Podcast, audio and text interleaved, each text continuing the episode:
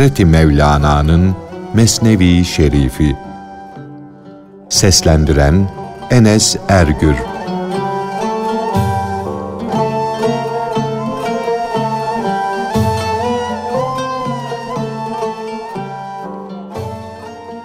Kalem olacak şeyleri yazdı. O yazının mürekkebi bile kurudu. Hadisi böyledir. Yani kalemin mürekkebi kurudu. İbadet ile günah bir değildir. Emin oluşla hırsızlık ediş bir değildir. Kalem yazdı, mürekkebi bile kurudu. Şükretmekle nankörlük bir değildir. Kalem bu yazıyı yazdı da mürekkebi bile kurudu demektir. Çünkü Allah gerçekten de ihsan sahiplerinin ecrini yitirmez.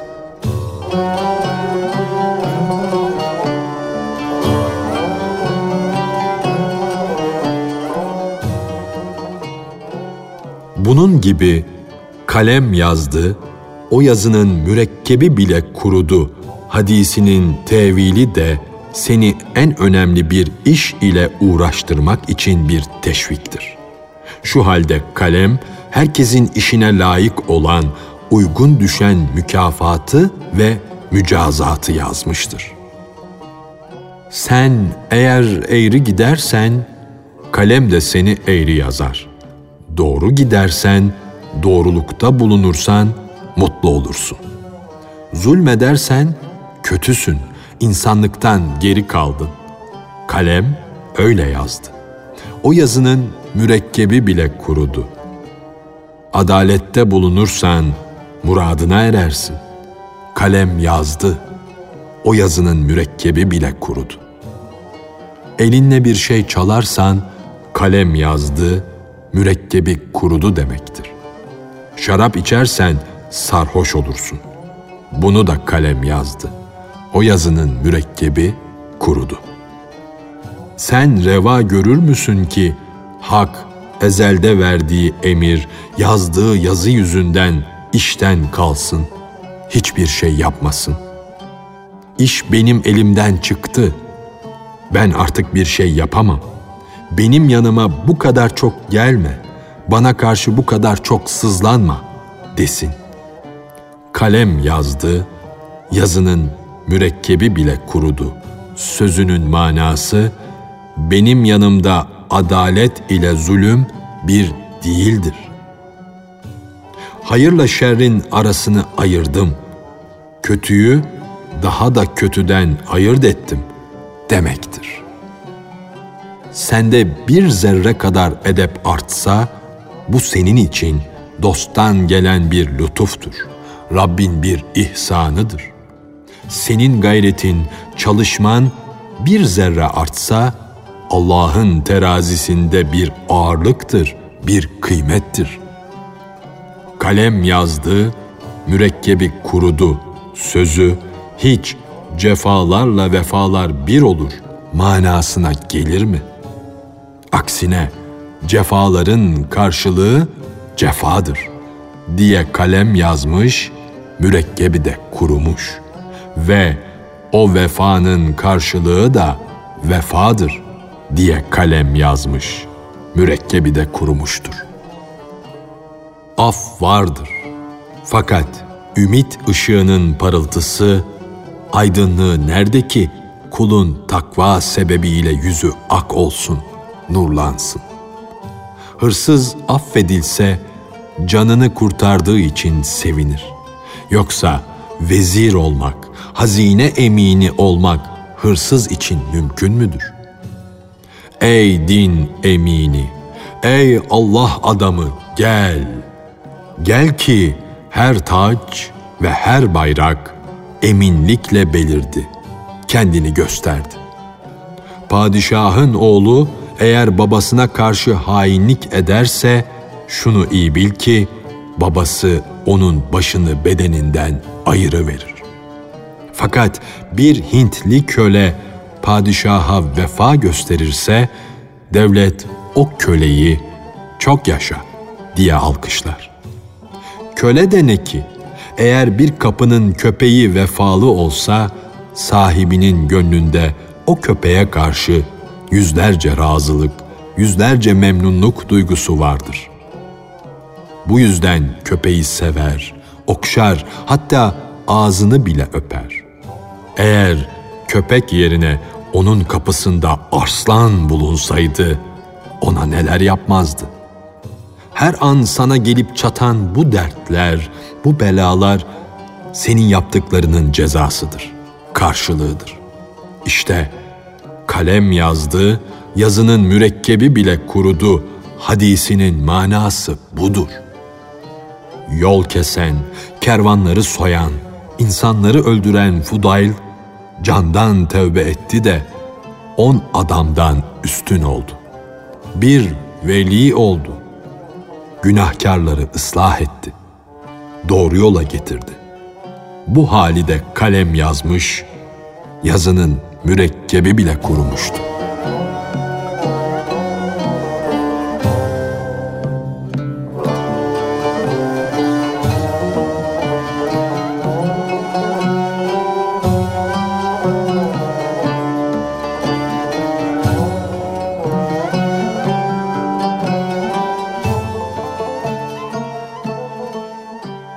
Yoksul bir derviş Herat'ta Horasan Amidi'nin süslü püslü kölelerini gördü. Onlar Arap atlarına binmişler, altın sırmalı elbiseler giymişler, daha başka çeşit süslerle süslenmişlerdi.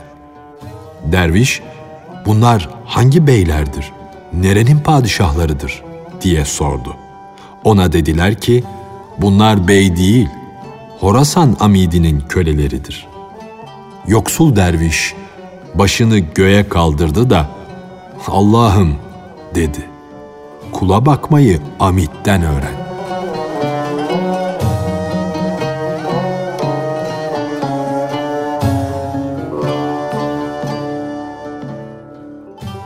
Herat şehrinde yoksul bir küstah vardı. Mevkii yüksek bir köleyi gördü. Köle ata binmiş, ipek elbiseler giymiş, altın kemer kuşanmış gidiyordu. Yoksul yüzünü gök kubbesine çevirdi de dedi ki, Allah'ım kula bakmayı bilmiyorsan, neden şu lütuflar, ihsanlar sahibi efendiden öğrenmezsin? Allah'ım köleye bakmayı, giydirmeyi, beslemeyi şu başımızda bulunan şehrimizin şu büyüğünden öğren. Yoksuldu, muhtaçtı çıplaktı, yiyeceği yoktu. Kışın soğukta tir tir titriyordu. Kendinden haberi olmayan o zavallı, elinde olmaksızın böyle bir cürette bulundu. Böyle bir söz söyledi. Allah'ın binlerce lütfuna, ihsanına güveniyordu. Çünkü hakkı gönlünde bulmuş, onun nedimi olmuş, irfan sahibi bir kişiydi. Nihayet günün birinde padişah Amid'i töhmet altına aldı. Elini, ayağını bağlattı. O süslü püslü kölelere çabuk efendinizin definesinin yerini gösterin diye işkenceler etmeye başladılar. Onlara ey alçaklar onun sırrını bana söyleyin yoksa boğazınızı, dilinizi kestiririm diyorlardı. Tam bir ay onlara işkence yaptılar. Gece gündüz onları sorguya çektiler. Onları sıkıştırıyor, dertler içinde bırakıyorlardı. Sonunda onların hepsini paramparça ettiler.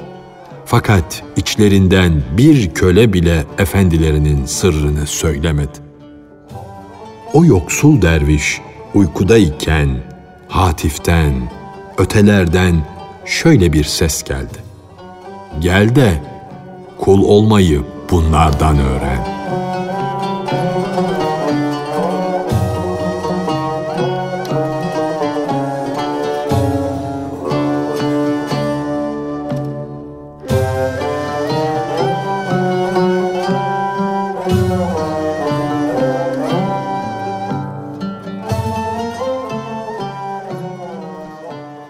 başına gelen bütün felaketler, belalar senin kendi edepsizliğindendir.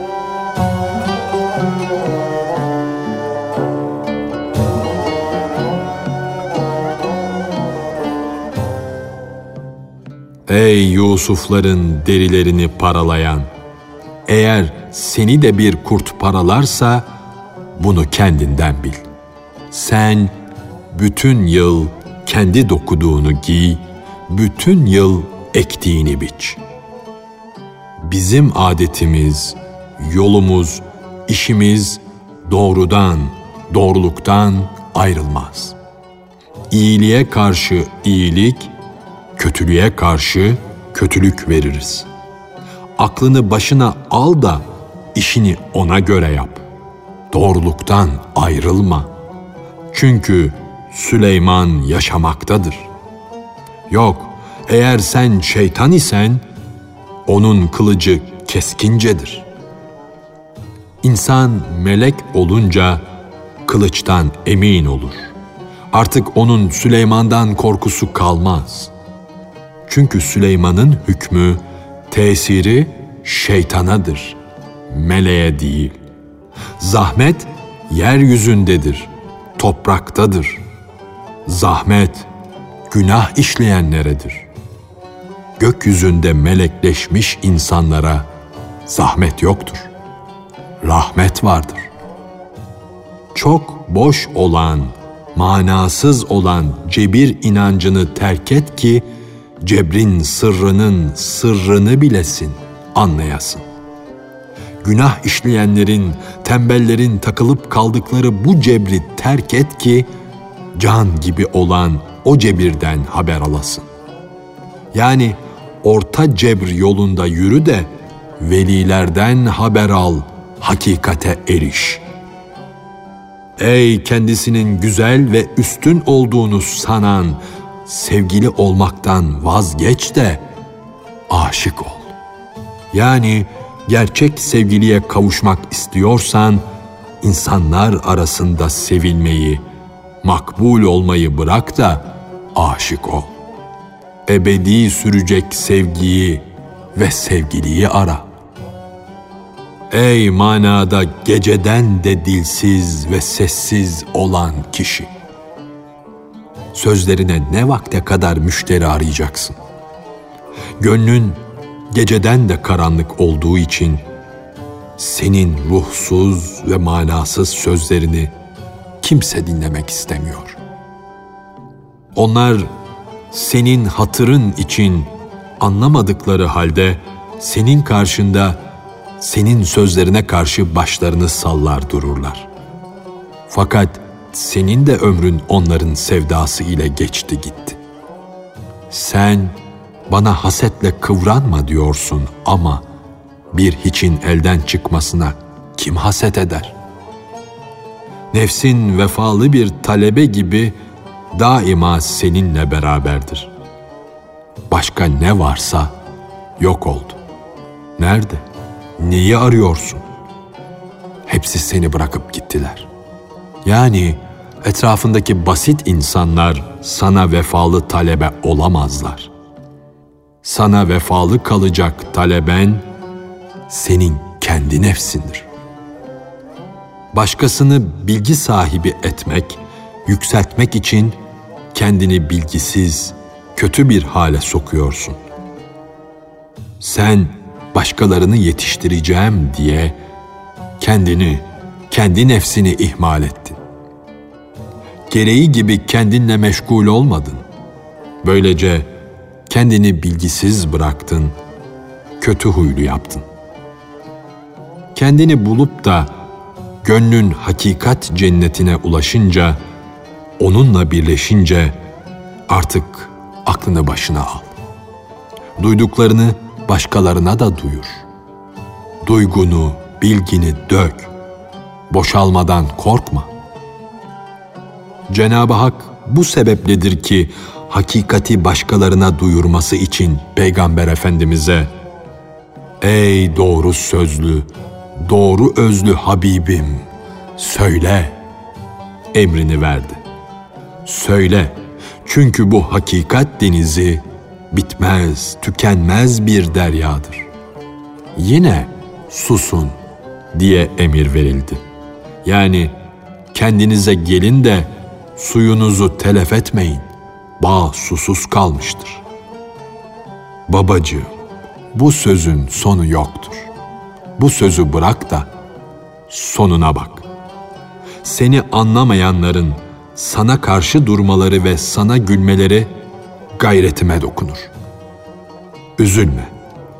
Onlar aşık değiller ki. Senin aşıkların kerem perdesi ardında senin için feryat ediyorlar. Zaman zaman haykırıyorlar. Sen onları gör.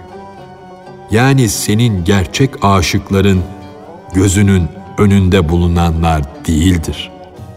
Senin gerçek aşıkların ötelerdedir. Sen bu dünyanın maddi aşıklarına, fani aşıklarına bakma. Sen gayb aleminin aşıklarına aşık ol. Beş günlük aşıklara pek aldırış etme. Bu fani alemin aşıkları hile ile seni kendilerine çekerler de yerler. Yıllardır çok küçük bir faide görmedin. Ufak bir manevi yardım almadın.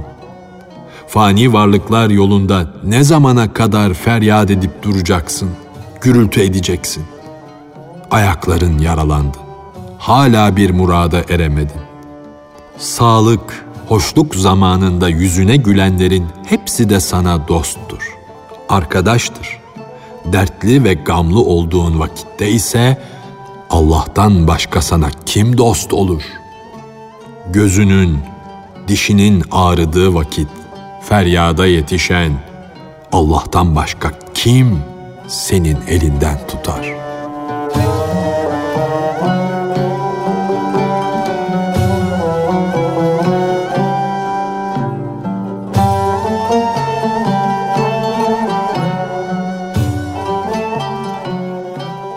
Hazreti Mevlana'nın Mesnevi Şerifi. Seslendiren Enes Ergür